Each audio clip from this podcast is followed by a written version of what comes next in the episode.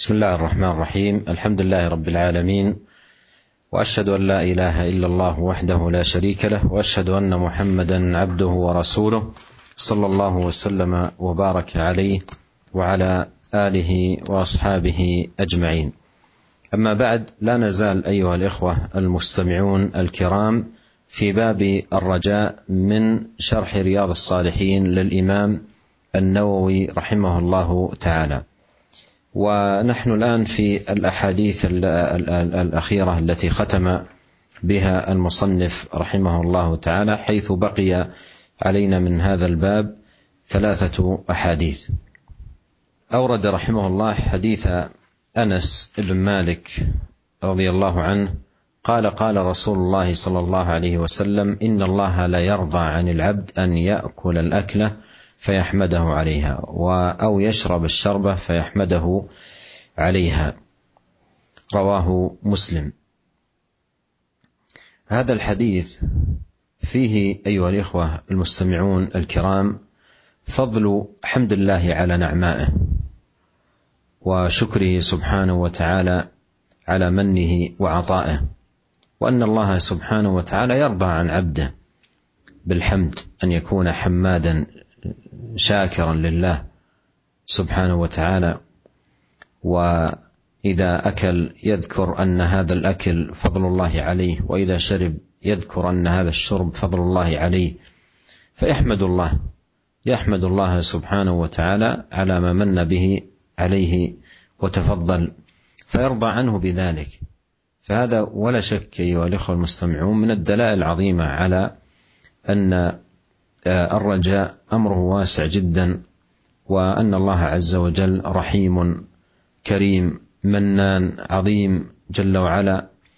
يرضى عن عبده أن يأكل الاكله فيحمده عليها أو يشرب الشربه فيحمده عليها. وهذا يدل على أن باب الرجاء باب واسع وليس هو لكل أحد وإنما لمن يقبل على الله ويعمل على نيل رضاه Bismillahirrahmanirrahim. Alhamdulillah segala puji dan syukur kita panjatkan kepada Allah Subhanahu wa taala. Salawat dan salam semoga senantiasa tercurahkan kepada suri turunan kita, junjungan kita Nabi Muhammad sallallahu alaihi wasallam. Kita masih berada dalam bab roja, bab pengharapan yang ditulis oleh Al-Imam Nawawi rahimahullah dalam kitabnya Riyadhus Salihin. Dan sekarang kita sudah tiba di hadis-hadis yang bagian terakhir dari bab ini. Tinggal beberapa hadis lagi dari bab roja. Dan sekarang kita sampai pada hadis yang diriwayatkan dari Anas bin Malik radhiyallahu taala anhu bahwasanya Rasulullah sallallahu alaihi wasallam bersabda, "Inna Allah la yardhu 'anil 'abdi an ya'kula al-akalata fayahmaduhu 'alaiha." Sungguhnya Allah Subhanahu wa taala sungguh ridha terhadap seorang hamba tatkala seorang hamba memakan suatu ya makanan ya. Kemudian dia memuji Allah Subhanahu wa taala atas makanan tersebut. Au yashraba syarbata fayahmadahu 'alaiha. Atau dia meminum suatu tegukan satu tegukan minuman kemudian dia memuji Allah Subhanahu wa taala atas minuman tersebut. Para pendengar yang dirahmati oleh Allah Subhanahu wa taala, dalam hadis ini menjelaskan tentang keutamaan memuji Allah Subhanahu wa taala atas nikmat-nikmat yang Allah karuniakan kepada seorang hamba dan bersyukur kepada Allah Subhanahu wa taala atas pemberian Allah Subhanahu wa taala dan sungguhnya Allah Subhanahu wa taala ridha kepada hambanya. Ya, jika seorang hamba adalah hamba dan senantiasa memuji Allah dan senantiasa bersyukur kepada Allah Subhanahu wa taala. Jika seorang hamba memakan satu suapan makanan, dia pun mengatakan alhamdulillah. Dia memuji Allah Subhanahu wa taala. Dan jika dia minum satu eh, minum satu teguk minuman, dia pun memuji Allah Subhanahu wa taala. Dia ingat bahwasanya satu suapan ini tidak lain kecuali datang dari Allah Subhanahu wa taala. Tatkala dia minum dia pun sadar bahwasanya tidak mungkin bisa datang minuman tersebut meskipun hanya satu tegukan kecuali dari nikmat Allah Subhanahu wa taala. Kemudian dia pun memuji Allah Subhanahu wa taala. Dengan sebab ini Allah Subhanahu wa taala meridainya. Dan ini menunjukkan bagaimana luasnya rahmat Allah Subhanahu wa taala dan menunjukkan bagaimana pintu roja, pintu pengharapan yang Allah buka sangatlah luas sekali. Ya menunjukkan bahwasanya Allah Subhanahu wa taala karim, sangat mulia. Mannan Allah Subhanahu wa taala ya sering senantiasa memberikan anugerahnya kepada hamba-hambanya.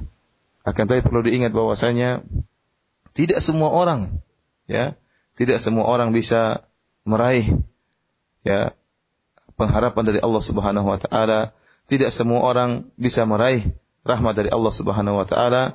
Hanya orang-orang yang berusaha dan memuji Allah Subhanahu wa taala dan berusaha mencari keridhaan Allah Subhanahu wa taala. ثم أورد الإمام النووي رحمه الله تعالى حديث أبي موسى رضي الله عنه عن النبي صلى الله عليه وسلم قال إن الله تعالى يبسط يده بالليل ليتوب مسيء النهار ويبسط يده بالنهار ليتوب مسيء الليل حتى تطلع الشمس من مغربها. رواه مسلم. وهذا الحديث أيضا أيها الإخوة المستمعون الكرام من الأحاديث العظيمة في باب الرجاء وأن المذنب عليه ألا يقنط بسبب ذنوبه من رحمة الله بل ليتذكر دائما وأبدا أن باب التوبة مفتوح في أي لحظة من ليل أو نهار. كما هو مبين في هذا الحديث العظيم حديث أبي موسى رضي الله عنه. يقول عليه الصلاة والسلام إن الله يبسط يده بالليل ليتوب مسيء النهار ويبسط يده بالنهار ليتوب مسيء الليل حتى تطلع الشمس من مغربها. ومعنى ذلك أن باب التوبة يغلق إذا طلعت الشمس من مغربها.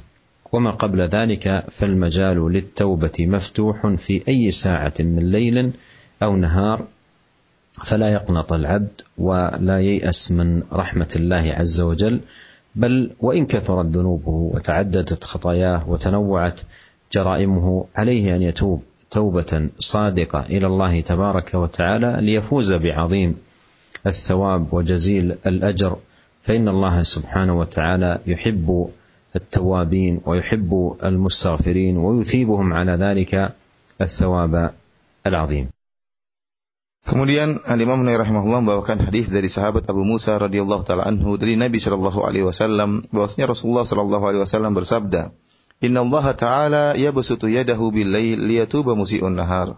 Sungguhnya Allah Subhanahu wa taala membentangkan tangannya di malam hari agar orang-orang yang berbuat dosa di siang hari bertobat.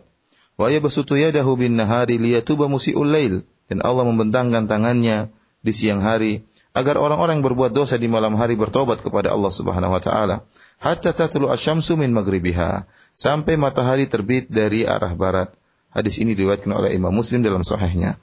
Para pendengar yang dirahmati oleh Allah Subhanahu wa taala, hadis ini termasuk dari hadis-hadis yang sangat agung yang menjelaskan bagaimana luasnya pintu taubat dan sungguhnya seorang yang berdosa janganlah dia putus asa dari rahmat Allah Subhanahu wa taala. Akan tapi hendaknya dia senantiasa ingat bahwasanya Allah Subhanahu wa taala senantiasa membuka pintu taubat dan pintu taubat terbuka setiap saat di malam hari dan di siang hari. Kapan saja dia hendaknya bertobat kepada Allah Subhanahu wa taala.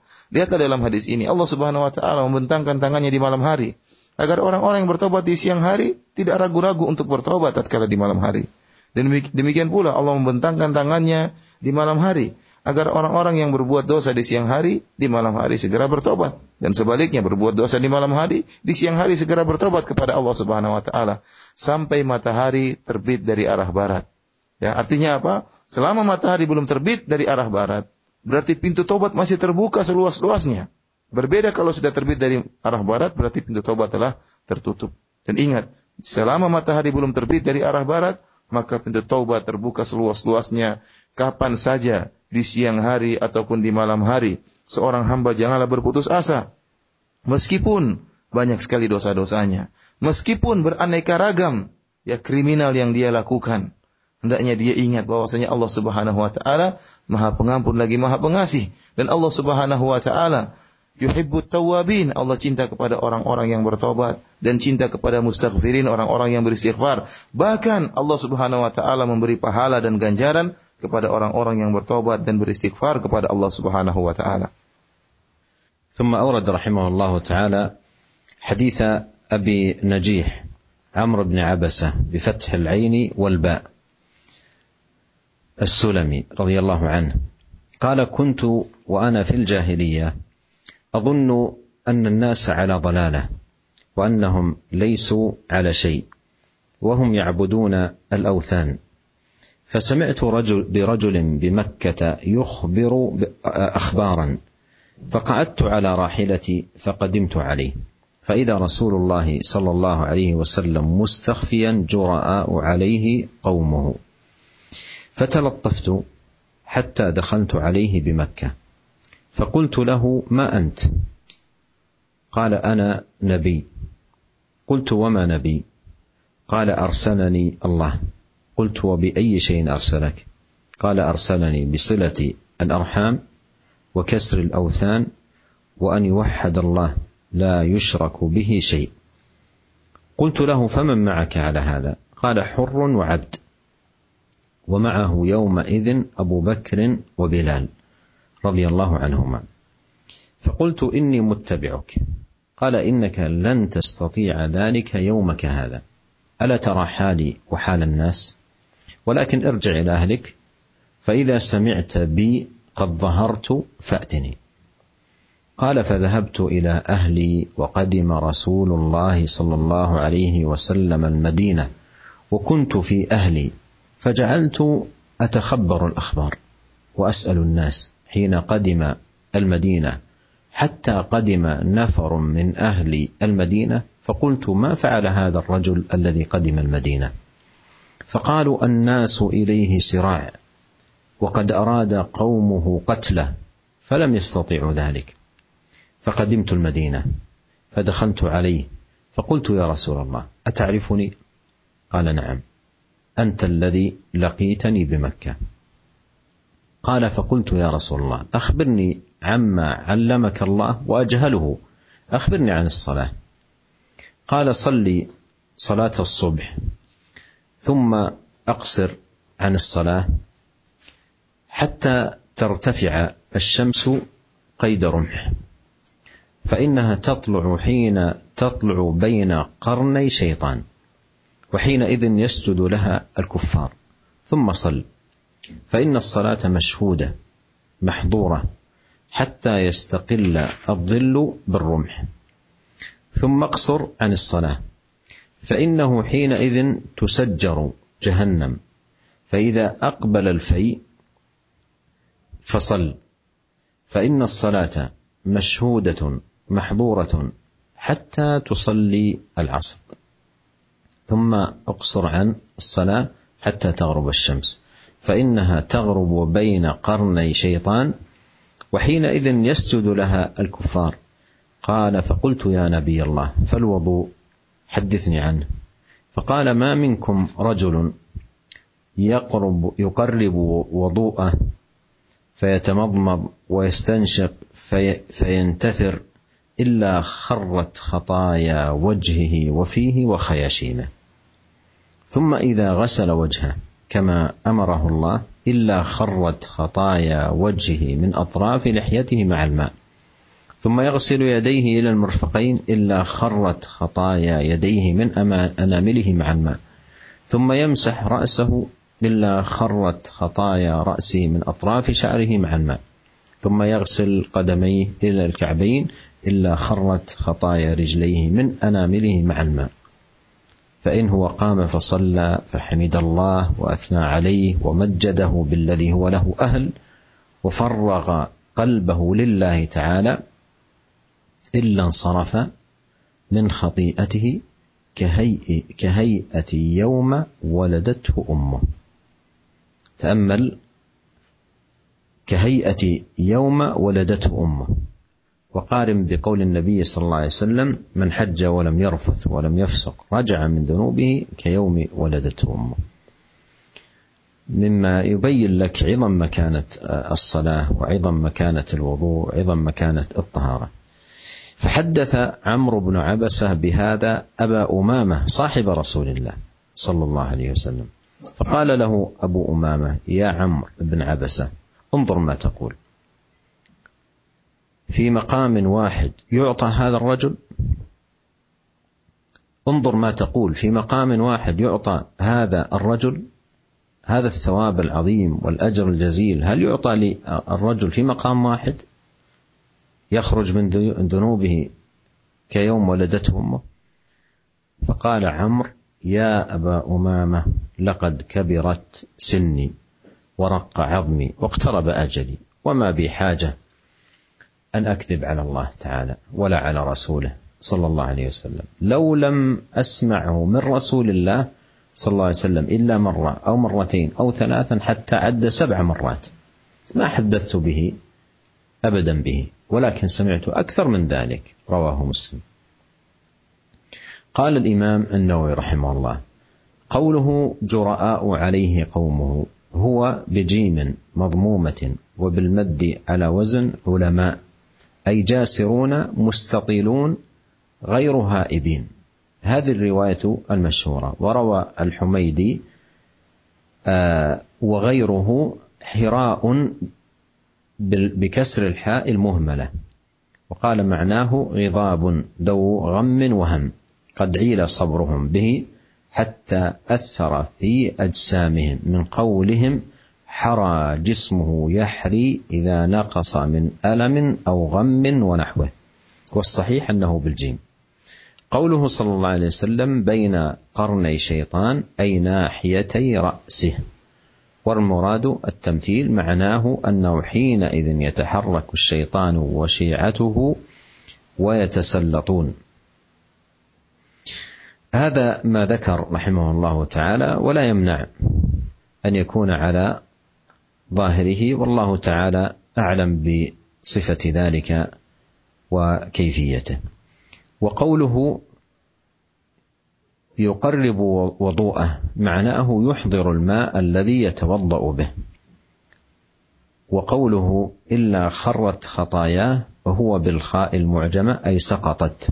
ورواه بعضهم جرت بالجيم والصحيح بالخاء. وهو رواية الجمهور.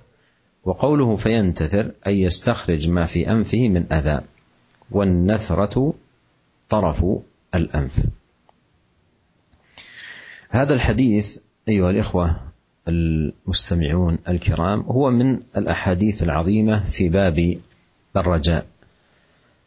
والكلام على كامل مضامينه يطول لكن موضع الشاهد منه هو ما يتعلق بفضل الصلاة وعظيم ثوابها عند الله وفضل الطهور وكيف أن المسلم بهذه هذا الطهور من مضمضة وغسل الوجه وغسل اليد وغسل للرجلين ومسح للرأس كيف أنه مع كل فعل من هذه الأفعال تخر خطاياه من أطرافه وكيف أنه إذا قام يصلي لله حامدا ومثنيا وممجدا لله عز وجل بالذي هو أهله وفرغ قلبه لله لا ينشغل بشيء آخر إلا انصرف من خطاياه كيوم ولدته امه فهذا فيه دلالة عظيمة جدا على أن أن باب الرجاء واسع ونيل رحمة الله سبحانه وتعالى وتكفير الذنوب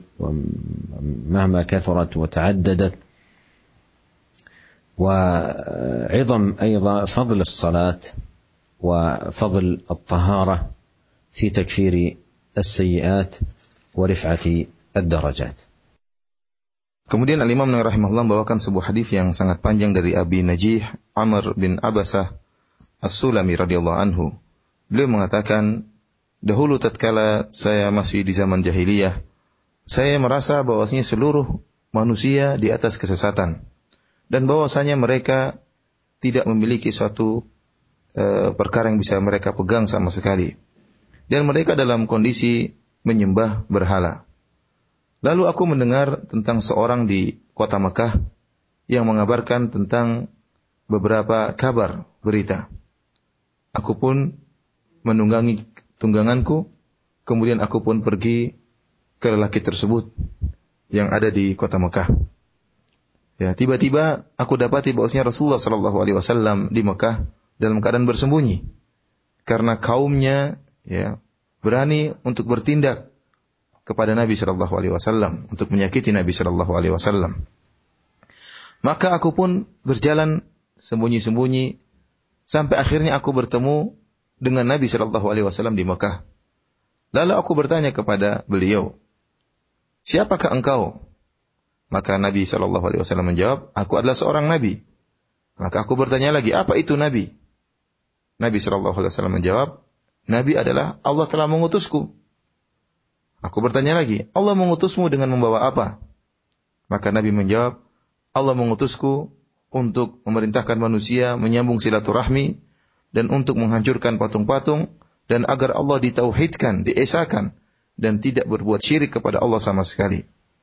Lalu aku bertanya, siapa yang mengikutimu sekarang ini di atas agama ini? Maka Nabi Shallallahu Alaihi Wasallam menjawab, hurun wa abdun, seorang yang merdeka dan seorang budak hamba sahaya.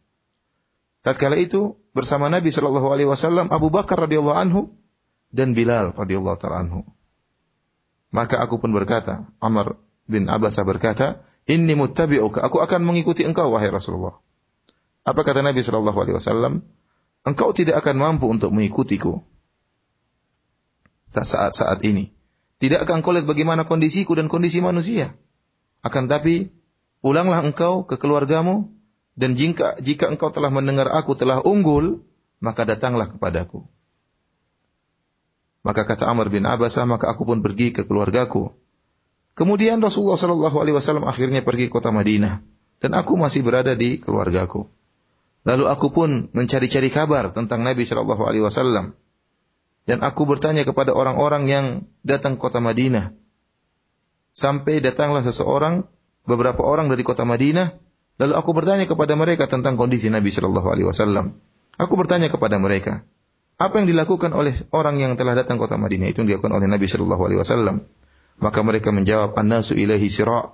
Orang-orang bersegera ya mengikuti orang ini. Kaumnya sungguh ingin membunuh dia, akan tapi mereka tidak mampu, kaumnya tidak mampu untuk membunuhnya. Aku pun, kata Amr bin Abbasa, mendengar kabar ini, aku pun datang ke kota Madinah. Lalu aku bertemu dengan Rasulullah Sallallahu Alaihi Wasallam di kota Madinah. Lalu aku, lalu aku bertanya kepada beliau, wahai Rasulullah, rifuni, masih ingatkah engkau tentang siapa aku? Maka Nabi Sallallahu Alaihi Wasallam menjawab, Naam, ya. Anta alladhi lakitani bi Makkah. Engkau yang dahulu pernah bertemu dengan aku di kota Mekah.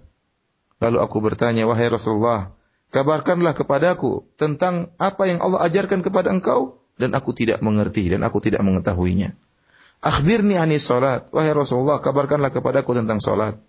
Maka Nabi sallallahu alaihi wasallam berkata, Salatlah engkau salat subuh. Kemudian berhentilah dari salat, tahanlah dirimu jangan salat sampai matahari naik seukuran tombak. Karena tatkala itu sebelumnya ya matahari terbit, tatkala terbit dia terbit di antara dua tanduk setan. Dan saat itu orang-orang kafir sujud kepada matahari. Setelah matahari sampai pada tingkatan naik hingga ukuran satu tombak, maka sholatlah engkau. Sungguhnya pada waktu itu sholat disaksikan ya dan dihadiri oleh para malaikat. Sampai ya hingga bayangan mengecil ya seukuran satu tombak. Maka berhentilah engkau dari dari salat karena tatkala itu tatkala menjelang tengah hari ya bayangan mulai memendek ya sehingga kurang dari satu tombak bayangan tersebut maka berhentilah dari salat karena tatkala itu neraka jahanam dinyalakan. Ya. dan jika telah datang waktu fai yaitu setelah uh, matahari uh, miring dari arah timur ke arah barat, ya, sudah masuk waktu zuhur, maka solatlah. Fa inna solata masyhudatun mahdhurah. Karena solat tatkala itu disaksikan dan dihadiri. Hatta tusallil asar. Dan solatlah engkau sampai waktu solat asar. Setelah engkau solat asar, maka tahanlah dirimu, jangan solat. Hatta tagruba syam, sampai matahari tenggelam. Kenapa? Karena matahari tatkala tenggelam, dia tenggelam di antara dua tanduk syaitan. Tatkala itu orang-orang kafir sujud kepada matahari. Lalu aku bertanya, wahai Nabi Allah, bagaimana dengan wudhu? Kabarkanlah aku tentang wudhu. Maka Nabi Shallallahu Alaihi Wasallam mengatakan, tidak seorang pun dari kalian mendekatkan air wudhunya kepada dia. Lantas dia bu, lantas dia berkumur-kumur, lantas dia menghirupkan air ke dalam hidungnya. Fayantasiru, kemudian dia keluarkan air dari hidungnya. Kecuali dosa-dosa wajahnya, ya, dan dari mulutnya akan berguguran dan dosa-dosa dari wajahnya, dari mulutnya, dari kedua lubang hidungnya akan berguguran bersamaan dengan air wudhu. Jika ia mencuci wajahnya sebagaimana diperintahkan oleh Allah Subhanahu wa taala, maka dosa-dosanya akan berguguran dari wajahnya. Bahkan berguguran sampai di ujung-ujung jenggotnya bersama dengan mengalirnya air. Kemudian dia mencuci kedua tangannya sampai kedua sikunya. Kecuali dosa-dosanya akan keluar dari tangannya. Sampai keluar dari ujung-ujung jarinya bersama dengan aliran jatuhnya air. Kemudian dia mengusap kepalanya. Tidaklah dia mengusap kepalanya kecuali dosa-dosanya dari kepalanya akan berguguran. Hingga dari ujung-ujung rambutnya bersama dengan jatuhnya air. Kemudian dia mencuci kedua kakinya sampai ke kedua mata kakinya. Tidaklah dia melakukan demikian kecuali dosa-dosanya akan berguguran keluar dari kedua kakinya sampai dari ujung-ujung jari kakinya bersama dengan jatuhnya air. Kemudian jika dia berdiri untuk melaksanakan sholat, lantas dia memuji Allah, ya, kemudian dia mengagungkan Allah Subhanahu wa taala dengan ya perkara yang memang Allah pantas untuk dipuji. Kemudian dia farraga qalbahu lillah, kemudian dia konsentrasikan hatinya untuk Allah Subhanahu wa taala, illan sarafa min khati'atihi ka hayatihi yauma waladathu ummuhu. Kecuali tatkala dia selesai dari salat, maka dosa-dosanya akan berguguran sebagaimana dia baru dilahirkan tatkala dilahirkan dari perut ibunya.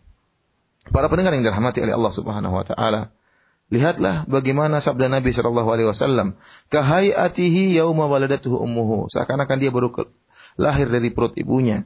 Sama seperti perhatikan dengan hadis Nabi sallallahu alaihi wasallam, "Man hajja wa lam yarfuth wa lam yafsuq raja'a min dhunubi ka yaumin waladatuhu ummuhu." Barang siapa yang berhaji kemudian tidak mengucapkan kata-kata kotor, kemudian tidak berbuat kemaksiatan, maka dia akan bersih dari dosa-dosanya sebagaimana baru dilahirkan dari perut ibunya. Ini menunjukkan tentang agungnya salat. Sebagaimana haji bisa membersihkan dosa-dosa, demikian juga salat bisa membersihkan dosa-dosa. Menunjukkan agungnya salat agungnya wudhu, ya, bagaimana uh, amalan ini, solat dan wudhu bisa membersihkan eh, dosa-dosa. Allah Subhanahu wa taala menyediakan pahala yang sangat besar bagi orang yang salat dan bagi, bagi orang yang wudhu. Kemudian Amr bin Abasah radhiyallahu taala anhu menyampaikan hadis yang panjang ini kepada Abu Umamah yang juga sahabat Rasulullah sallallahu alaihi wasallam. Hadis yang menjelaskan tentang keutamaan yang luar biasa. Maka Abu Umamah tatkala mendengar hadis ini, dia mengatakan, wahai Amr bin Abasa, Unggur ma taqul, lihatlah apa yang kau katakan Amr bin Abasa.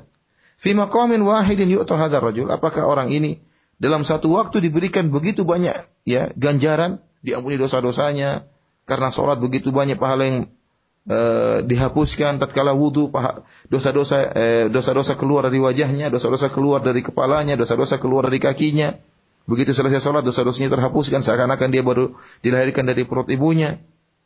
Bagaimana seorang ini bisa diberikan begitu banyak ganjaran dalam satu waktu? Maka Amr bin Abbas mengatakan, Wahai Abu Umamah, aku telah tua dan tulang-tulangku sudah melemah dan telah dekat ajalku. Aku tidak perlu untuk berdosa atas nama Allah dan atas nama Rasulullah sallallahu alaihi wasallam. Kalau bukan karena aku pernah mendengar hadis ini dari Rasulullah sallallahu alaihi wasallam.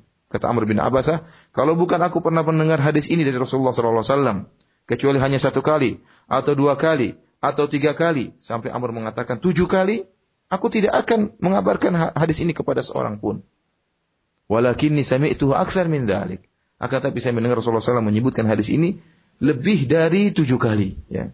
Jadi hadis ini sering didengar oleh Amr bin Abbasah ya yang menjelaskan tentang luasnya rahmat Allah Subhanahu wa taala. Lalu Amr bin Abbasah pun menyampaikan kepada Abu Umamah radhiyallahu taala anhu.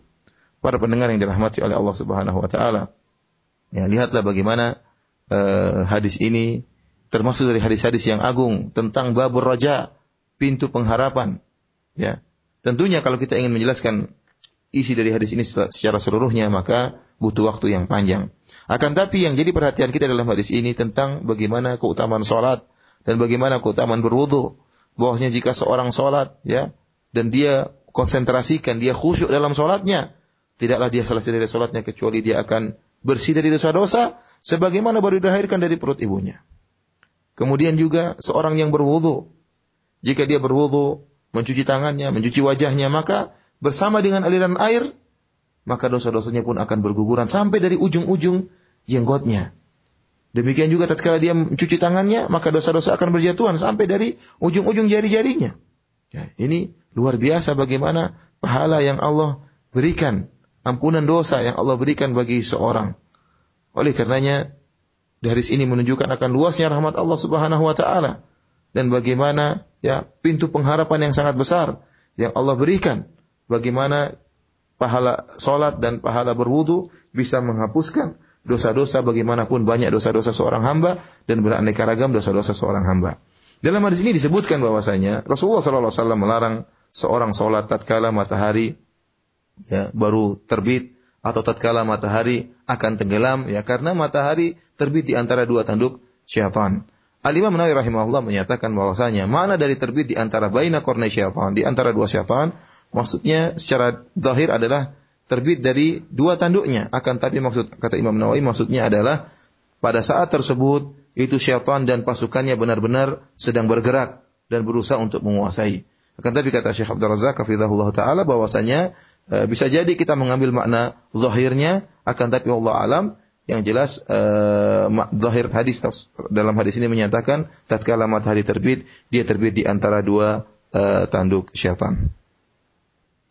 ثم ختم رحمه الله تعالى هذه الترجمه باب الرجاء بحديث ابي موسى الاشعري رضي الله عنه عن النبي صلى الله عليه وسلم أنه قال إذا أراد الله تعالى رحمة أمة قبض نبيها قبلها فجعله لها فرطا وسلفا بين يديها. وإذا أراد هلكة أمة عذبها ونبيها حي فأهلكها وهو حي ينظر فأقر عينه بهلاكها حين كذبوه وعصوا أمره. رواه مسلم. هذا الحديث فيه أيها الإخوة الكرام لطف الله عز وجل بهذه الأمة أمة محمد صلوات الله وسلامه عليه الأمة المرحومة حيث إن الله جل وعلا قبض نبيها قبلها. وفي هذا الحديث أن الله إذا أراد رحمة أمة قبض نبيها قبلها.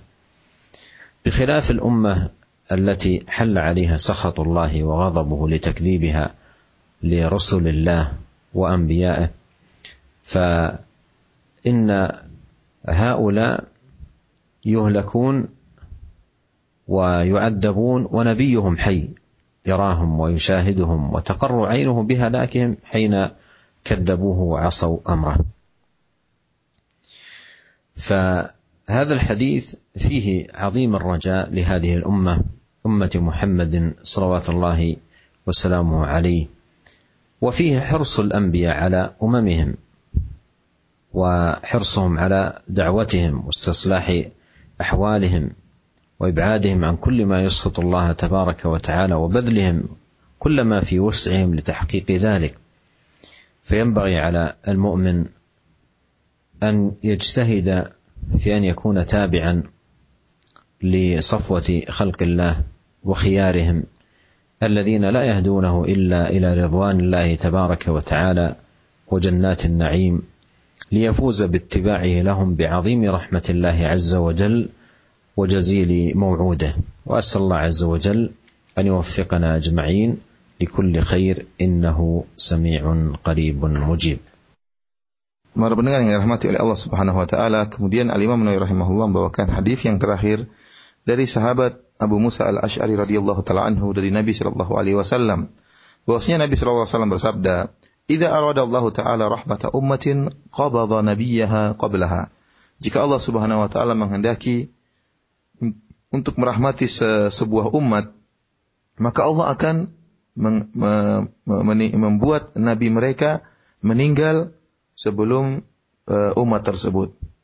Faja'alahu laha faratan wa salafan baina yadayha.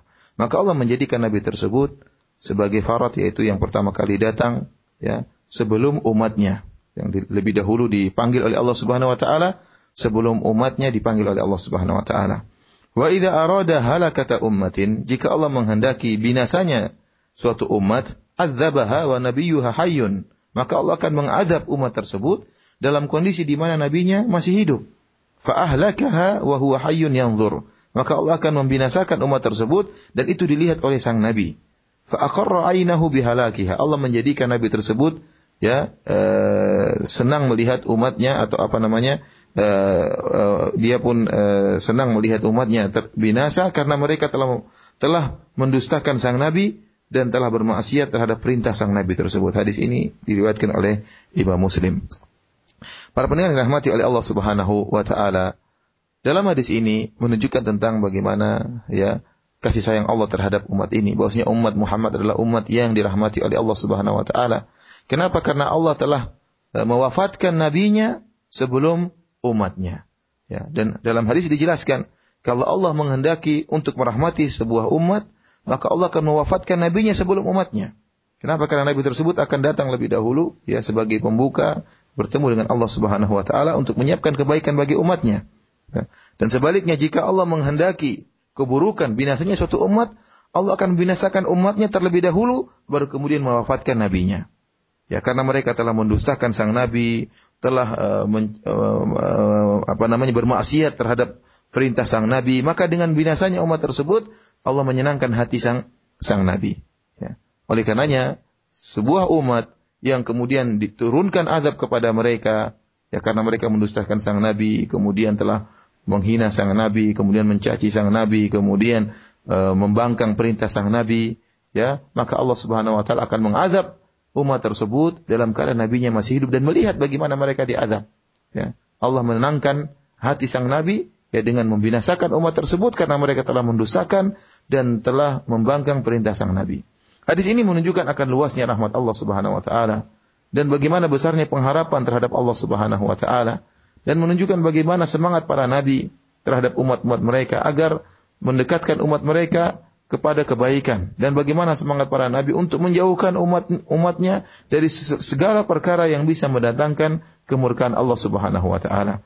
Oleh karenanya hendaknya bagi umat ini berusaha bersungguh-sungguh bagaimana bisa menjadi termasuk dari pengikut para nabi Ya, karena jika seorang telah termasuk pengikut para nabi, maka dia akan mendapatkan keberuntungan yang sangat besar dengan menjadi pengikut uh, para nabi. Uh, demikian para pendengar yang dirahmati oleh Allah Subhanahu wa taala, kajian kita pada kesempatan kali ini dan kita telah selesai dari penghujung bab ar-raja, bab pengharapan dan selanjutnya saya kembalikan kepada akhi Ihsan hafizahullah taala. Jazakallah khair banyak kami ucapkan pada Fadilat Syekh Abdul Razak dan Ustaz Abu Abdul Musin Firanda Fidahumallahu Ta'ala atas terjemahan yang disampaikan. Kita angkat selanjutnya beberapa waktu yang tersisa untuk uh, para pendengar yang ingin bertanya silahkan di 021 823 6543. Tapi kita akan angkat telepon yang pertama. Halo. Silahkan Bapak. Assalamualaikum. Baik, nampaknya terputus. Kami angkat uh, dari pertanyaan pesan singkat dari pendengar kita yang bertanya Assalamualaikum warahmatullahi wabarakatuh.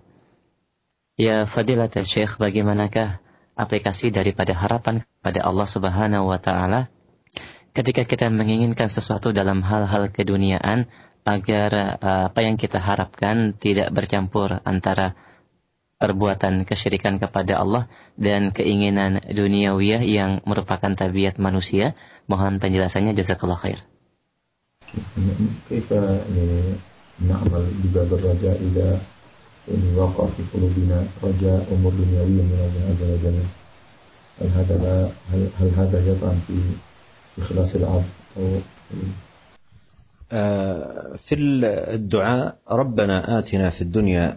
حسنة وفي الآخرة حسنة وقنا عذاب النار. العبد يرجو من الله سبحانه وتعالى وحده خير الدنيا والآخرة.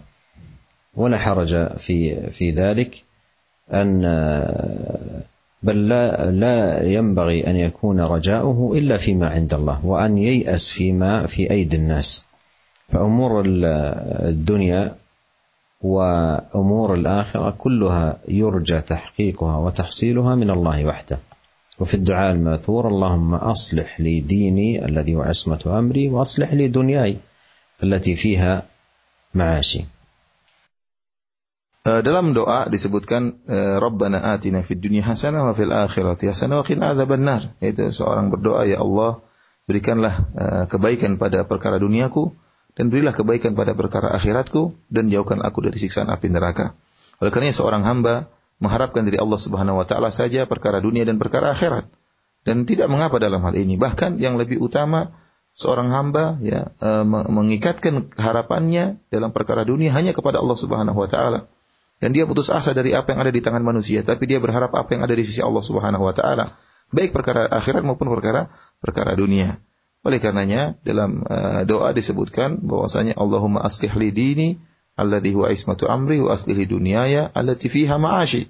Ya seorang Nabi SAW berdoa ya Allah, ya perbaikilah agamaku yang dalam agama itu agamaku adalah pegangan uh, perkaraku dan juga perbaikilah uh, urusan duniaku karena dalam duniaku itulah kehidupanku. Ini menunjukkan bahwasanya seorang minta kepada Allah Subhanahu wa taala mengkaitkan harapannya rojaknya pada Allah Subhanahu wa taala baik perkara akhirat maupun perkara dunia.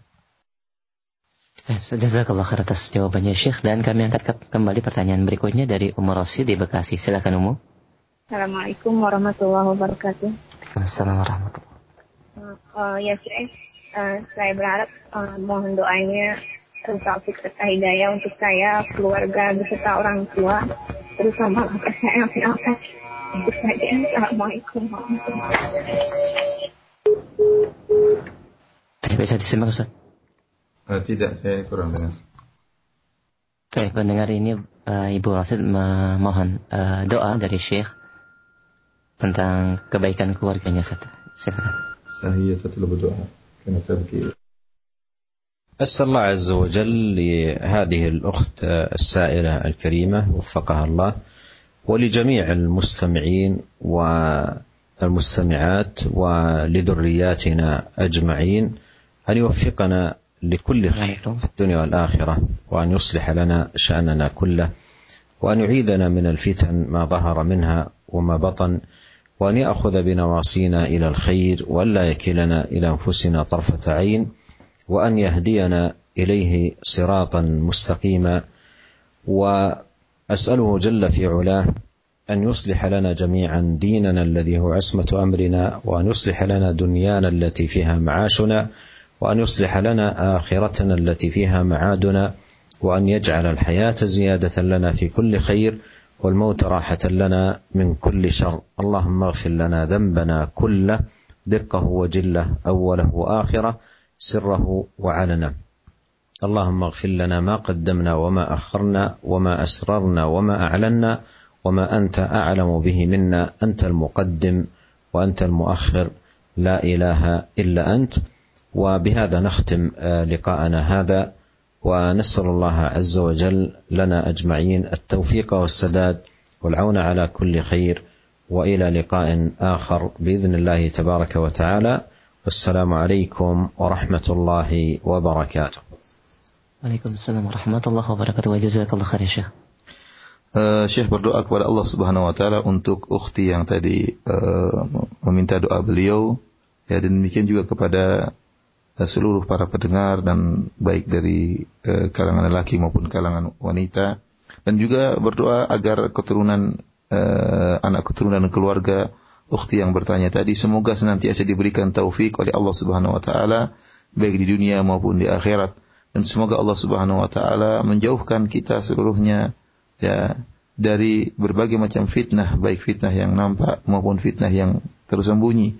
Dan agar Allah Subhanahu wa taala senantiasa ya menuntun kita menuju segala bentuk kebaikan. Dan agar Allah Subhanahu wa taala tidak menjadikan kita ya bersandar kepada diri kita. Meskipun hanya sekejap hanya se, se, hanya dalam waktu yang sangat uh, uh, sekedap mata ya uh, bahwasanya seluruh urusan hendaknya diserahkan kepada Allah Subhanahu wa taala. Kemudian juga semoga Allah Subhanahu wa taala memberikan petunjuk kepada kita ke jalan yang lurus. Dan semoga Allah Subhanahu wa taala yang memperbaiki urusan agama kita, memperbaiki urusan dunia kita. Dan semoga Allah Subhanahu wa taala meluruskan akhirat kita. Dan semoga Allah menjadikan kehidupan kita ini sebagai tambahan kebaikan. Dan Allah menjadikan wafatnya kita sebagai bentuk peristirahatan kita dari berbagai macam kemaksiatan. Dan kita berdoa kepada Allah Subhanahu wa taala agar Allah mengampuni dosa-dosa kita, baik dosa yang besar maupun dosa yang kecil, baik dosa yang nampak maupun dosa yang tersembunyi. Dan semoga Allah Subhanahu wa taala mengampuni dosa-dosa yang pernah kita lakukan dan apa yang akan kita lakukan, dosa-dosa yang kita nampakkan dan dosa-dosa yang kita lakukan secara diam-diam. Sungguhnya Allah Subhanahu wa taala Maha penerima uh, tobat dan Maha uh, mengampuni hamba-hambanya dan Maha penyayang bagi hamba-hambanya. Dengan demikian uh, kita selesai dari pengajian kita dan kita telah selesai dari bab uh, Ar-Raja. Insyaallah kita akan sambung pada bab berikutnya pada kesempatan yang lain. Wabillahi taufik wal hidayah. Assalamualaikum warahmatullahi wabarakatuh.